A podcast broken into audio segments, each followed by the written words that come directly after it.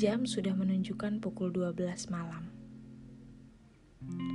Setelah seharian suntuk dijejali dengan realita kehidupan. Tanpa permisi, serangkaian kata datang mengetuk benakku seakan meminta dijamu. Aku tak pernah jatuh cinta kepadamu. Sebab aku hanya mencintaimu tanpa pernah ada jatuhnya. Dengan kesadaran dan segenap akal sehatku, aku akan mencintai diriku sendiri. Sebab aku harus merasa layak untuk menerima cinta yang kau beri. Aku akan mencintai diriku sendiri dengan lebih layak lagi. Sebab kau pantas dicintai dengan layak.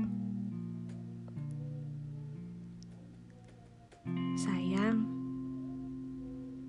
kita bersama bukan hanya untuk berbahagia. Kita bersama untuk saling belajar menjadi manusia yang senantiasa bertumbuh. Untuk pertama kali dalam seumur hidup, aku diyakinkan mencintai diri sendiri tak sama dengan narsistik.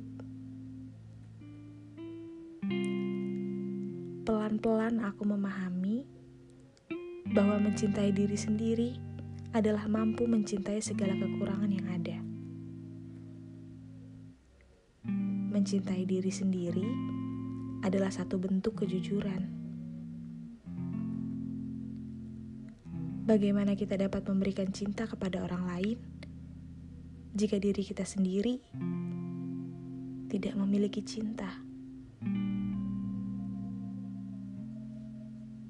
Mencintai diri sendiri secara tidak langsung membentuk menjadi lebih dewasa. Untuk mampu mencari jalan tengah agar bisa berbahagia sekaligus membahagiakan. Mencintai diri sendiri tidak sama dengan egois. Mencintai diri sendiri adalah satu proses yang berkelanjutan. Peristiwa seperti permasalahan keluarga, kehilangan pekerjaan,